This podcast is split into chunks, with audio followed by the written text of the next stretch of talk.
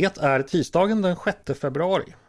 Jag heter Andreas Eriksson och du lyssnar på Ledarredaktionen. En podd från Svenska Dagbladet.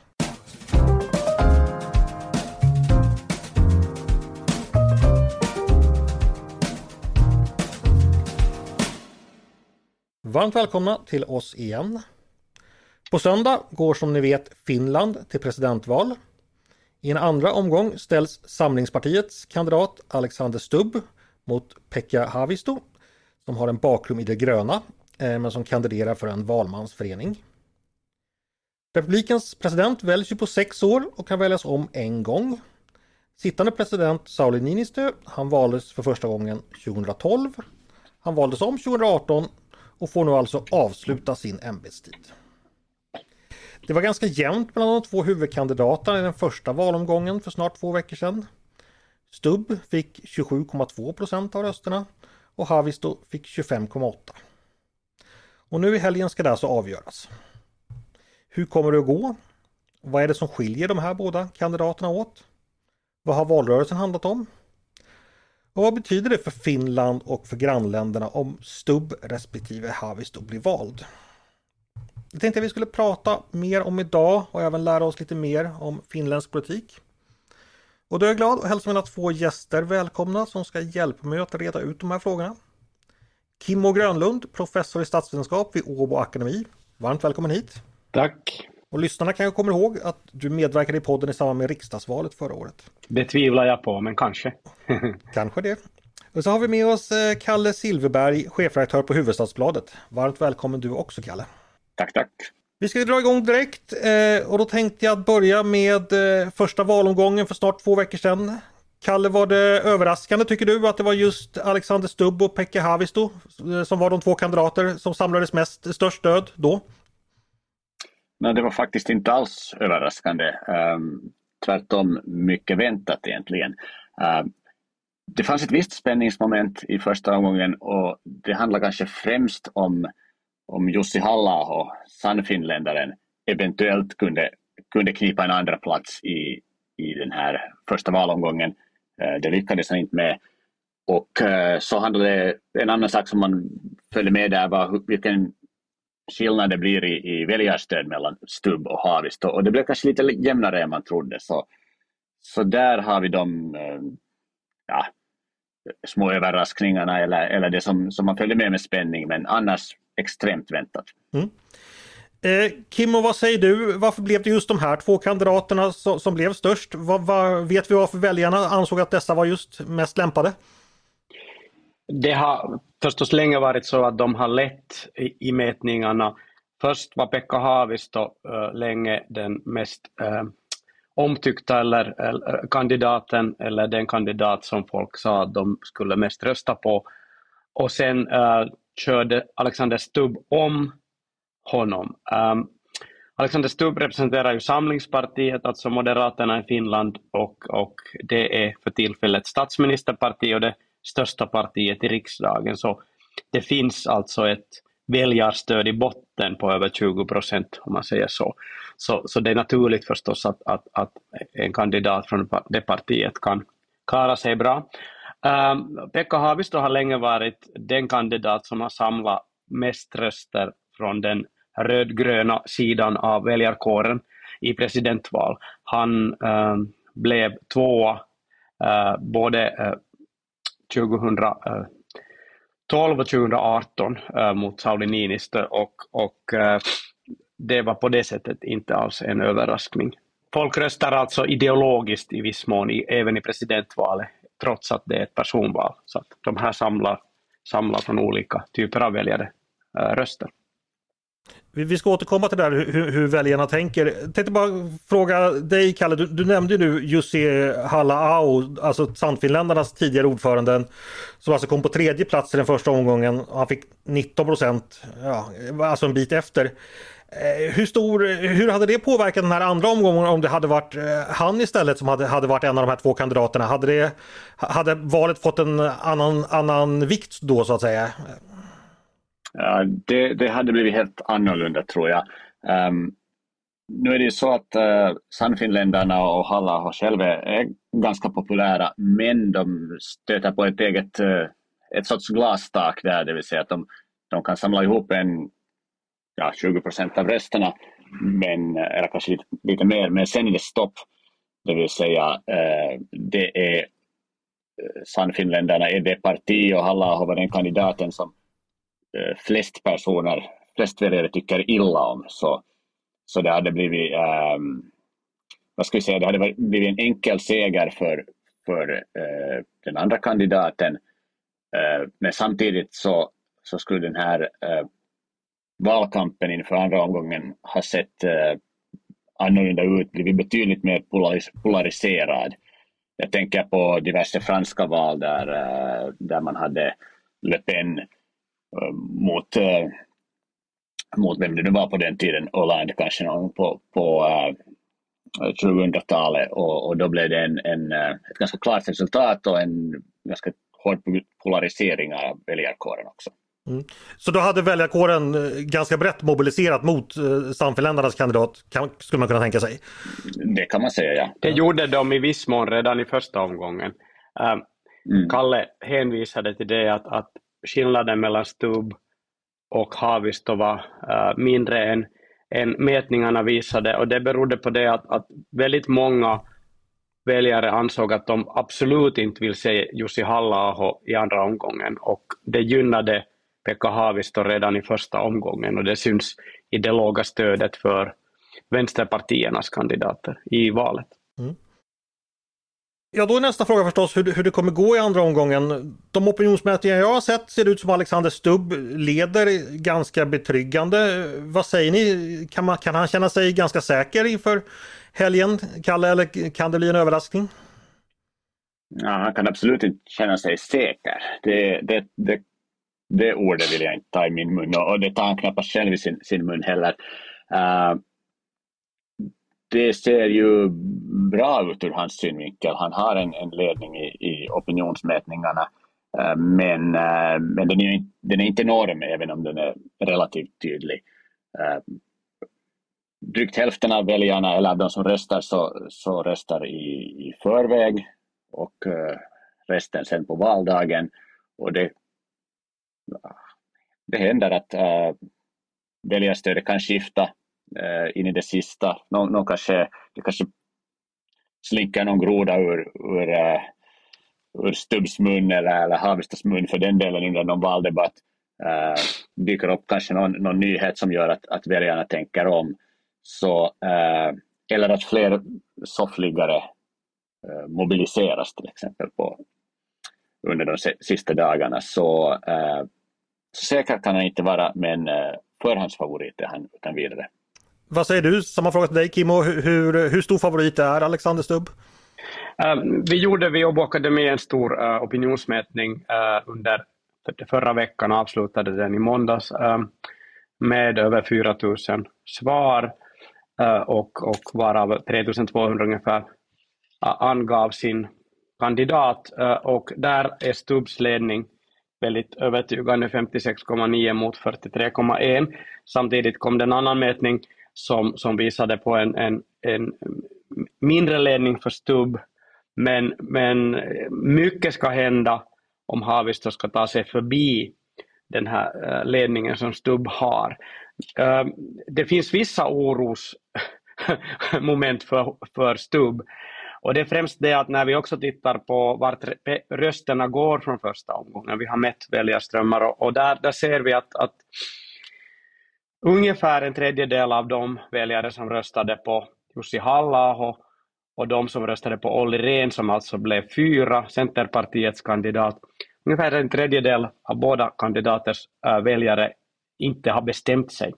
Däremot så har hälften av bådas väljare röstat på Stubb eller kommer att rösta på Stubb och endast en um, liten bråkdel av Halla väljare väljer Haavisto av Rense väljare några fler. Så att, att det finns mycket mera potential för Stubb att hämta hos de här väljarna.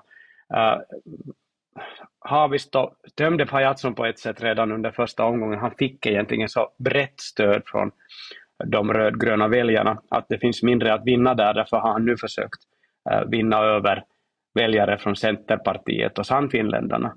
Men han kommer inte att lyckas i, i någon större mån, men om de här väljarna blir hemma på söndag, så då hjälper det ju indirekt Haavisto och skadar Stubb. Så där ser jag Haavistos enda chans, att det blir ett högt valdeltagande för kvinnor, särskilt unga kvinnor, och, och, männen blir hemma i, i, stor utsträckning. Det kan ännu hjälpa Haavisto, annars tror jag nog att, att Stubb är, sitter ganska säker. Mm. Fördel Stubb alltså. Eh, vi ska snart prata vidare om de här kandidaterna och vad de vill. Men först ska vi ta en kort repetitionskurs när det gäller eh, finländsk statskunskap.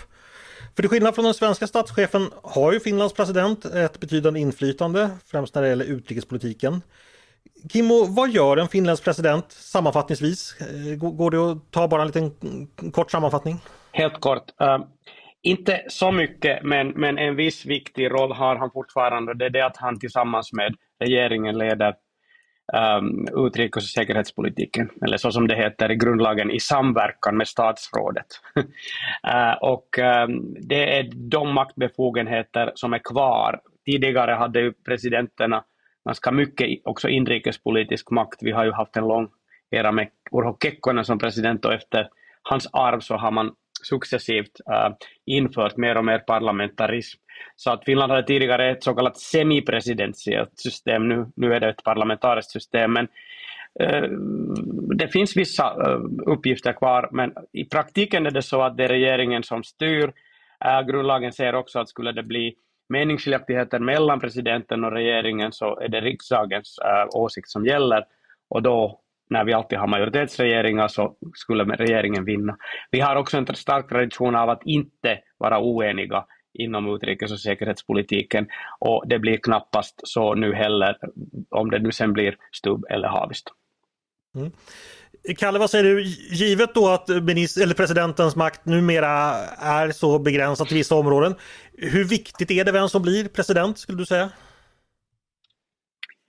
No, precis som Kimmo sa så är det um, ganska osannolikt att, uh, att det blir större bråk om uh, utrikespolitiken med, uh, mellan president och regering oberoende av vem som blir vald.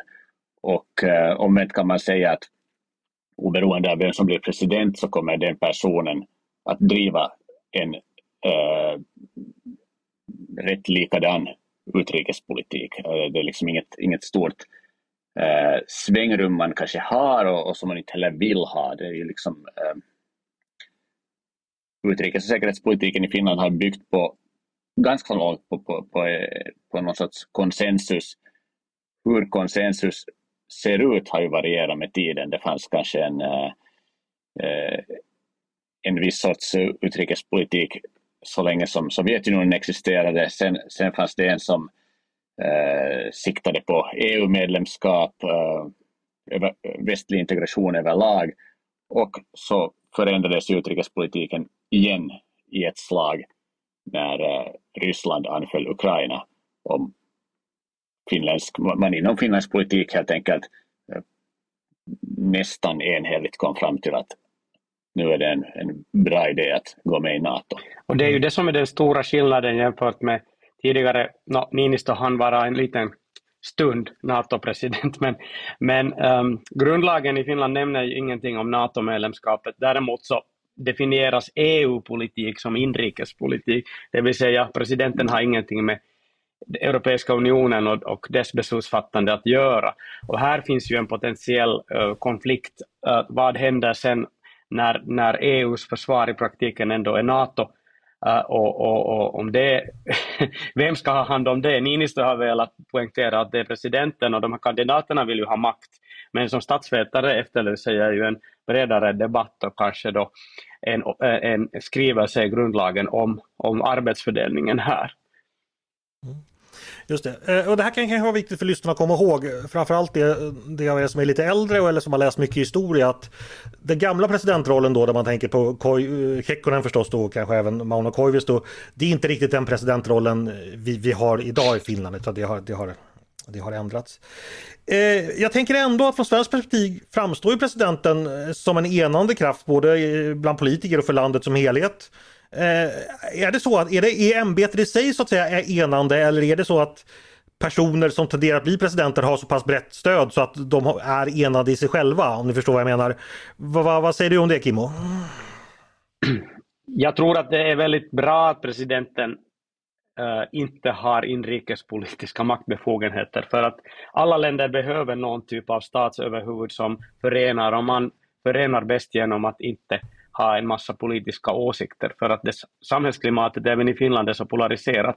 Vi har ju haft generalstrejk just i dagarna två och, och, och det här betyder att, att uh, genom att parlamentarisera systemet så har vi skapat en president som kan uh, ena landet uh, bättre. Men visst har du rätt i det att, att de som blir valda brukar vara väldigt populära och också bli um, omvalda en gång.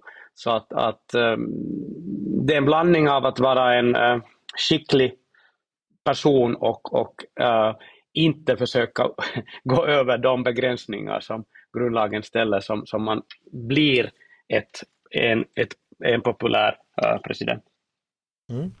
Ja, det är faktiskt så att den, den enda presidenten som inte har blivit omvald efter Kekkonen så, så var Martti Ahtisaari och, och det berodde på att han inte ställde upp en gång till. Och i bakgrunden fanns det interna gräl inom, inom Socialdemokraterna men annars så, så har presidenterna blivit omvalda. Mm, just det. Och Niinistö har som sagt suttit sina, sina två mandatperioder. Vi ska tillbaks till valet då eh, och prata lite närmare om kandidaterna som kanske inte alla lyssnare har fullt koll på. Jag tänkte börja med dig Kalle, att du ska ge oss en presentation av Alexander Stubb. Jag tror alla som lyssnar känner till honom men, men vill nog veta lite mer detaljer. Eh, vem är han och vad har han gjort tidigare? Ja, han är, uh, han är helsingforsare i grunden. Um, han är finlandssvensk till sin bakgrund, det vill säga hans, uh, han talar svenska hemma, gick i svensk skola och så vidare här. Uh, och uh, hans pappa var väldigt länge talangscout för NHL-lag här i, i Finland. Så han har, pappa Stubb har scoutat en, en massa spelare härifrån till NHL. Men, men Stubb själv, alltså Alexander, sonen, så han eh, han var länge lite av en sån guldgosse. Eh, han blev ganska synlig som, som forskare i början på 00-talet, ja, kring millennieskiftet var det. Uh, han forskade i EU-frågor och det fanns en stor, liksom, en stor efterfrågan på, på uh, åsikter och, och liksom, helt enkelt information om hur, hur EU funkar och han intervjuades mycket i medier och så här.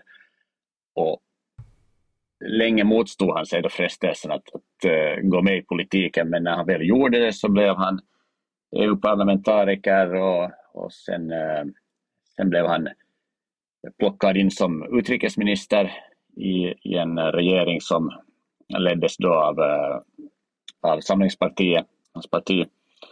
Eh, sen haft vissa andra eh, ministerposter också. Men när han blev statsminister, det var eh, väl 2014, 2014 var det ja. Så då, då gick det inte bra. Det var nämligen så att det var en, en sån här koalitionsregering som eh, mellan Samlingspartiet och Socialdemokraterna och några andra eh, partier, de hade enats för att, för att eh, hålla Sannfinländarna utanför makten egentligen. Men han steg in där i slutet av valperioden och, och det blev inte bra, det blev, det blev kaos nästan kan man säga efterhand sen så, så fejdade han ut kan man säga. Att eh, det blev Europeiska investeringsbanken och, och det där eh, lite eh, fredsmäcklande och, och sen till slut blev det en, en professorstjänst i Italien, på, i Florens på ett universitet där. Där satt han och väntade, cyklade omkring i vackra landskap, toskanska landskap. Tills han då blev kandidat. Det var egentligen partiet som behövde en lyskraftig kandidat och då, då var han redo att, att stiga fram. Och nu är vi här. Mm. Eh, Kimmo, vill du komplettera någonting om Alexander Stubbs bakgrund och, och um, person? Bara det lilla att, att um, som Kalle säger så har hans karriär på ett sätt varit en berg och dalbana. Att han har kommit till politiken enormt populär invald i EU-parlamentet med ett stort röstetal. Eh, för i Finland röstar vi ju på personer trots att det är listval. Och, eh, med, och, och, han klarade sig bra när han var utrikeshandels och utrikesminister, men, men som statsminister och sen senare finansminister i den borgerliga regeringen så, så gick det inte lika bra och han, han avpoliterades ju av den nuvarande statsministern Petteri Orpo uh, på partikongressen. Så, så det är intressant hur han alltid lyckas komma tillbaka som en enormt, eller i alla fall en populär politiker. Hans problem kanske om man ser på, på, på sån här eh, rikstäckande popularitet har varit, varit det att han är, liksom, han är lite för framgångsrik, lite för, eh, för lyckad på, på alla sätt. Liksom. Jantelagen, jantelagen kommer emot, ja. det är så. Mm. ja, ja, han har akademisk bakgrund, ja. ja han disputerade vid, vid LSI eh, då 1999 redan. Ja, om vi tar då den andra kandidaten Pekka Havis då. Eh, Kimi, kan du på motsvarande vis ge oss en liten presentation av honom? Ja, Pekka är eh, redan i pensionsåldern, 65, vilket i och för sig amerikanska presidentval skulle vara rena ungdomen. Men, men han är alltså tio år äldre än, än Stubb. Eh, Pekka har aldrig blivit eh, magister, han är student. Han har studentexamen. Han, lyckades aldrig bli färdig med sin magisteruppsats äh, eller sina studier. Han kom till riksdagen redan 87. Äh, han har en bakgrund i den äh, tidiga, tidiga miljörörelsen, den så kallade Koijärvi-rörelsen. Och um, han har fallit ur riksdagen uh, 1995 uh, och sen kom han inte in 99 heller, så att inte har hans karriär heller varit en dans på rosor. Mm, han har varit presidentkandidat, ja det kan jag säga att han har varit minister förstås. Han var, särskilt kommer vi ihåg nu hans ny, nyaste gärning, han var utrikesminister i Sanna Marins äh, rödgröna, rödgrön-liberala regeringsbas. Äh, och det är väl hans främsta utrikespolitiska gärning eller merit. Men äh, han har varit kandidat till presidentval två gånger tidigare med framgång på det sättet att han i första valet mot Niinistö, eller då var Niinistö förstås också kandidat för första gången, eller inte första gången, men inte var president ännu då, så han äh, blev andra och kunde, äh, kom om Paavo Väyrynen, som alltid velat bli president och aldrig klarat av det i Finland, äh, på, på, på slutrakan och han var i andra omgången mot Niinistö 2012 och förlorade tydligt. Uh, och sen kandiderade han på nytt för sex år sedan, men då valdes Niinistö i första omgången. Vi har alltså ett franskt presidentvalssystem i Finland där man har en omgång om någon lyckas få över 50 procent och sen om inte så blir det två, en andra omgång mellan de som har fått flest röster. Mm. Så att um, Pekka är lite omstridd på det sättet att han är, han är han har försökt tona ner det nu, men han är en väldigt typisk grön politiker och har den här miljöpartibakgrunden väldigt tydlig i sin politik. Han är äh, väldigt diplomatisk i sitt sätt och han, han har meriter också på det området. Mm, just det.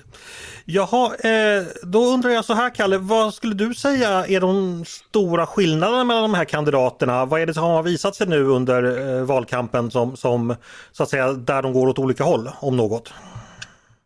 Nej, I grunden är ju eh, skillnaderna ganska små eh, i den meningen att eh, om man ser på det så här partipolitiskt så, så är Stubben en så mycket en, en samlingspartist av, den, av det liberala slaget, um, inte särskilt långt till höger uh, inom sitt parti. Och medan, medan Pekka Haavisto hör till, um, till den, den så här, realpolitiska falangen inom de gröna. Man kan säga att han är liksom höger, högergrön nog snarast. Um, så de är inte så jättelångt ifrån varandra egentligen. Uh, Sen är det i vissa detaljfrågor så har det, har det uppstått skillnader i, i valdebatterna. Det har handlat om eh, typ hur man ska hur man ska lagstifta om eh, eller hur man ska förhålla sig till eh, förvaring av kärnvapen i Finland eller transport av kärnvapen genom Finland eh, när Finland är NATO-medlem. Eh, så har det kanske så det kommit fram skillnader i frågor som egentligen inte har med presidentvalet att göra eller presidentämbetet som till exempel uh, de, de pågående uh, konflikterna på arbetsmarknaden här i Finland just nu. Så där ser man kanske att det är skillnad mellan de två. Men, uh, men ja, det är nog i det här fallet kan man säga att så där, i, i sak så är det ganska liten skillnad mellan de här två kandidaterna. Kanske Kimmo Vad säger kan du, Kim? hitta någon skillnad. Ja, ja, Kimmo, kan du hitta några, några skillnader mellan dem? Det är betoningar, det är som Kalle säger, uh, Alexander Stubb är en tydligare, ivrigare NATO-anhängare kanske. Um, även om han nu inte kom ut med det när han var statsminister. Han säger ju att han har varit NATO-anhängare länge. Um, när det gäller grundinställningen i de här viktiga frågorna för presidenten så ser jag typ inga skillnader. Jag tror att Haavisto betonar mera mänskliga rättigheter, mera uh, uh, human invandringspolitik, men det hör som sagt inte till presidenten. Så att skillnaderna, de skillnader som finns mellan kandidaterna har ingenting att göra med presidentens uppgifter.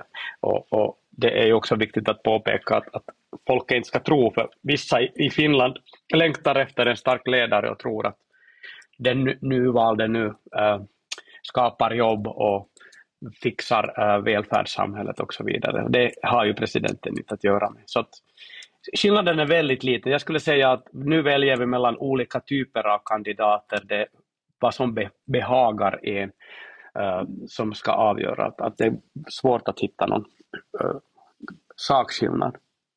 En, en viktig aspekt här är ju då det att eh, som en del väljare funderar på är just de här personliga egenskaperna. Att vi har den här eh, jantelagen som jag nämnde som slår eh, i viss mån mot, mot Alexander Stubb. Han är liksom lite för slipad, lite för framgångsrik.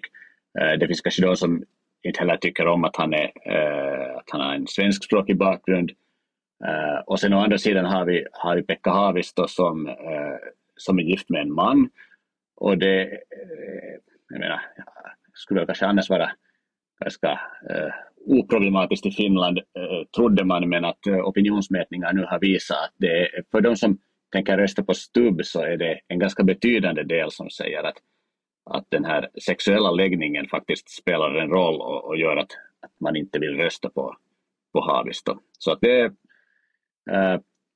det, det är sådana frågor som dyker upp. Geografiskt ingen skillnad, de är båda från Helsingfors så, att, så det finns ingen sån här regional aspekt här. Eh, Kim, återknyta lite till det vi pratade om i början.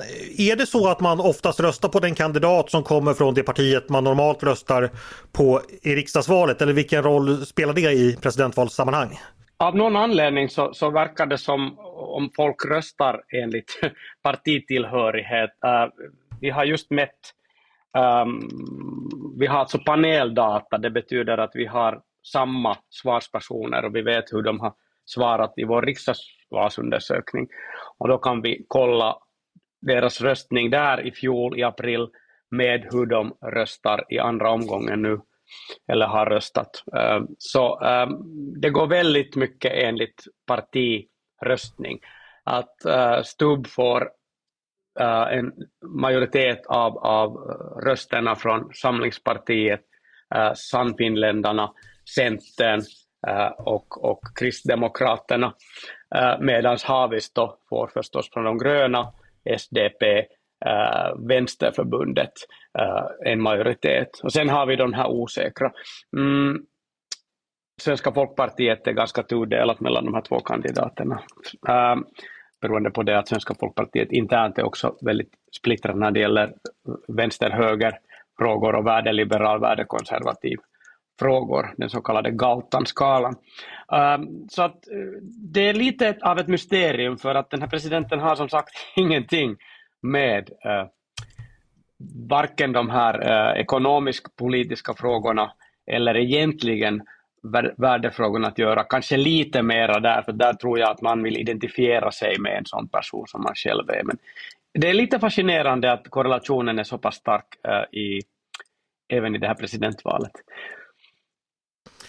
Eh, jag ska säga att jag, om vi återgår till, till, lite mer sakfrågor då, så jag satt tidigare idag och tittade på den eh, debatt som svenska YLE sände, jag tror den sändes i förrgår, eller gick av stapeln i förrgår, med de här kandidaterna. Eh, och då diskuterades bland annat, det handlar om delsvis Försvarsmaktens reservister, det handlade Rätt mycket om relationen till Kina, eh, det handlar om biståndsfrågor och förstås klimatet. Eh, men jag tyckte ju att det var en ja, mycket, mycket civiliserad debatt där man i stort ofta höll med varandra. Kring biståndet dök det väl upp lite olika syn och frågor kring mänskliga rättigheter och sådär. Jag vet inte, eh, Kalle, såg du debatten? Vad, vad tänkte du? Var det någonting speciellt du, du reagerade, på, reagerade på därifrån? Um, jag såg faktiskt bara den senare halvan av debatten ungefär, men uh, ja, nu var det kanske liksom den här uh, samstämmigheten och, och, och liksom det belevade sättet som, som kanske var, var det som slog en. Det har i och för sig varit så under nästan hela, uh, hela valrörelsen här. Uh, men eh, ja, den, den, den debatten var kanske ännu mer civiliserad än några andra men, men liknar nog ganska mycket de, de andra vi har sett. Mm. Jag rekommenderar lyssnarna att titta på den ifall man är intresserad. Eh, Kim, vad, vad, säger du? Jag vet inte, om du såg den, om du har någon kommentar till den? Jag var tyvärr på Svenska litteratursällskapets äh, Runebergs fest igår kväll. Men, men äh, från andra äh, debatter, det har ju varit ett antal, så, så kan man kanske lyfta fram det att många redaktörer har försökt koppla Stubb ihop med sitt parti, det vill säga Samlingspartiet som ett statsministerparti. Och vi har för tillfället som sagt eh, ett ganska polariserat samhällsklimat. Regeringen försöker driva igenom reformer, icke minst när det gäller arbetsmarknaden och facket stretar emot. Och, och här har Alexander Stubb varit väldigt uh, skicklig. Han har distanserat sig från regeringen och hela tiden hänvisat till det att presidenten har inte med det här att göra. Äh, och Pekka Haavisto har inte heller utmanat egentligen, åtminstone i tidigare debatter, Stubb på detta. Det var vissa vänsterkandidater som, som försökte göra det. Så att Stubb har nog lyckats eh, hålla ett avstånd till sitt parti på samma sätt som Haavisto som alltså ställer upp som en kandidat för en medborgarrörelse och inte för, för de gröna primärt i det här valet. Så att här, här eh, har det inte lyckats fast redaktörer har försökt. Mm.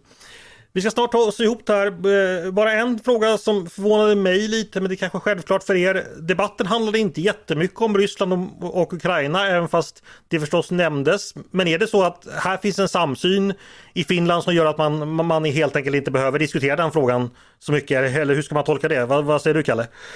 Eh, jag tror nog att det där är, rätt tolkning för att eh, jag menar Ryssland, hur man, hur man liksom minimerar hotet därifrån och, och hur man hjälper Ukra Ukraina och hur europeisk eh, säkerhetsarkitektur överhuvudtaget ska se ut i framtiden så, så är liksom helt avgörande frågor för, för Finlands president. Men eh, där är det faktiskt så att, att eh, inte bara de här två kandidaterna utan, utan hela, hela det politiska etablissemanget tycker väldigt lika. Så man hittar mm. inga skillnader där. Kimmo, vad säger du om den frågan? Helt korrekt bedömning har du och Kalle här. Det är faktiskt uh, intressant. Jag var förra veckan i Berlin och förklarade för tyska journalister lite om, om presidentvalet och det politiska läget i Finland, så jag fick nästan börja med det att Jussi halla som alltså presidentkandidat för Sannfinländarna, ett radikalt högerparti, populistparti, inte är Rysslandsvänlig, till skillnad från alternativet för Deutschland, alltså deras motsvarighet. Det här är den stora skillnaden, men jag tror att förklaringen har att göra med vår vår, vår 1300 kilometer långa gräns mot Ryssland och våra erfarenheter av att uh, den vänliga grannen har alltid varit i väst och aldrig i öst. Precis. Eh, stort tack för det. Eh, då tror jag faktiskt vi är klara för idag. På söndag så avgörs alltså sista, eller den andra presidentvalsomgången i Finland. Eh, stort tack eh, Kalle Silverberg, chefredaktör på Huvudstadsbladet i Helsingfors och Kimmo Grönlund, professor i statsvetenskap vid Åbo Akademi för att ni gästade mig idag. Tack så mycket! Tack! Tack, tack! Och tack också till er som har lyssnat på dagens podd. Eh, dagens avsnitt av Ledarredaktionen, en podd från Svenska Dagbladet. Ni är varmt välkomna att höra av till redaktionen med tankar och synpunkter på det vi precis har diskuterat. eller om ni har idéer och förslag på vad vi ska ta upp i framtiden. Då är det bara att mejla oss på ledarsidan snabel svd.se. Dagens producent, han heter Jesper Sandström. Själv heter jag Andreas Eriksson och jag hoppas att vi hörs snart igen.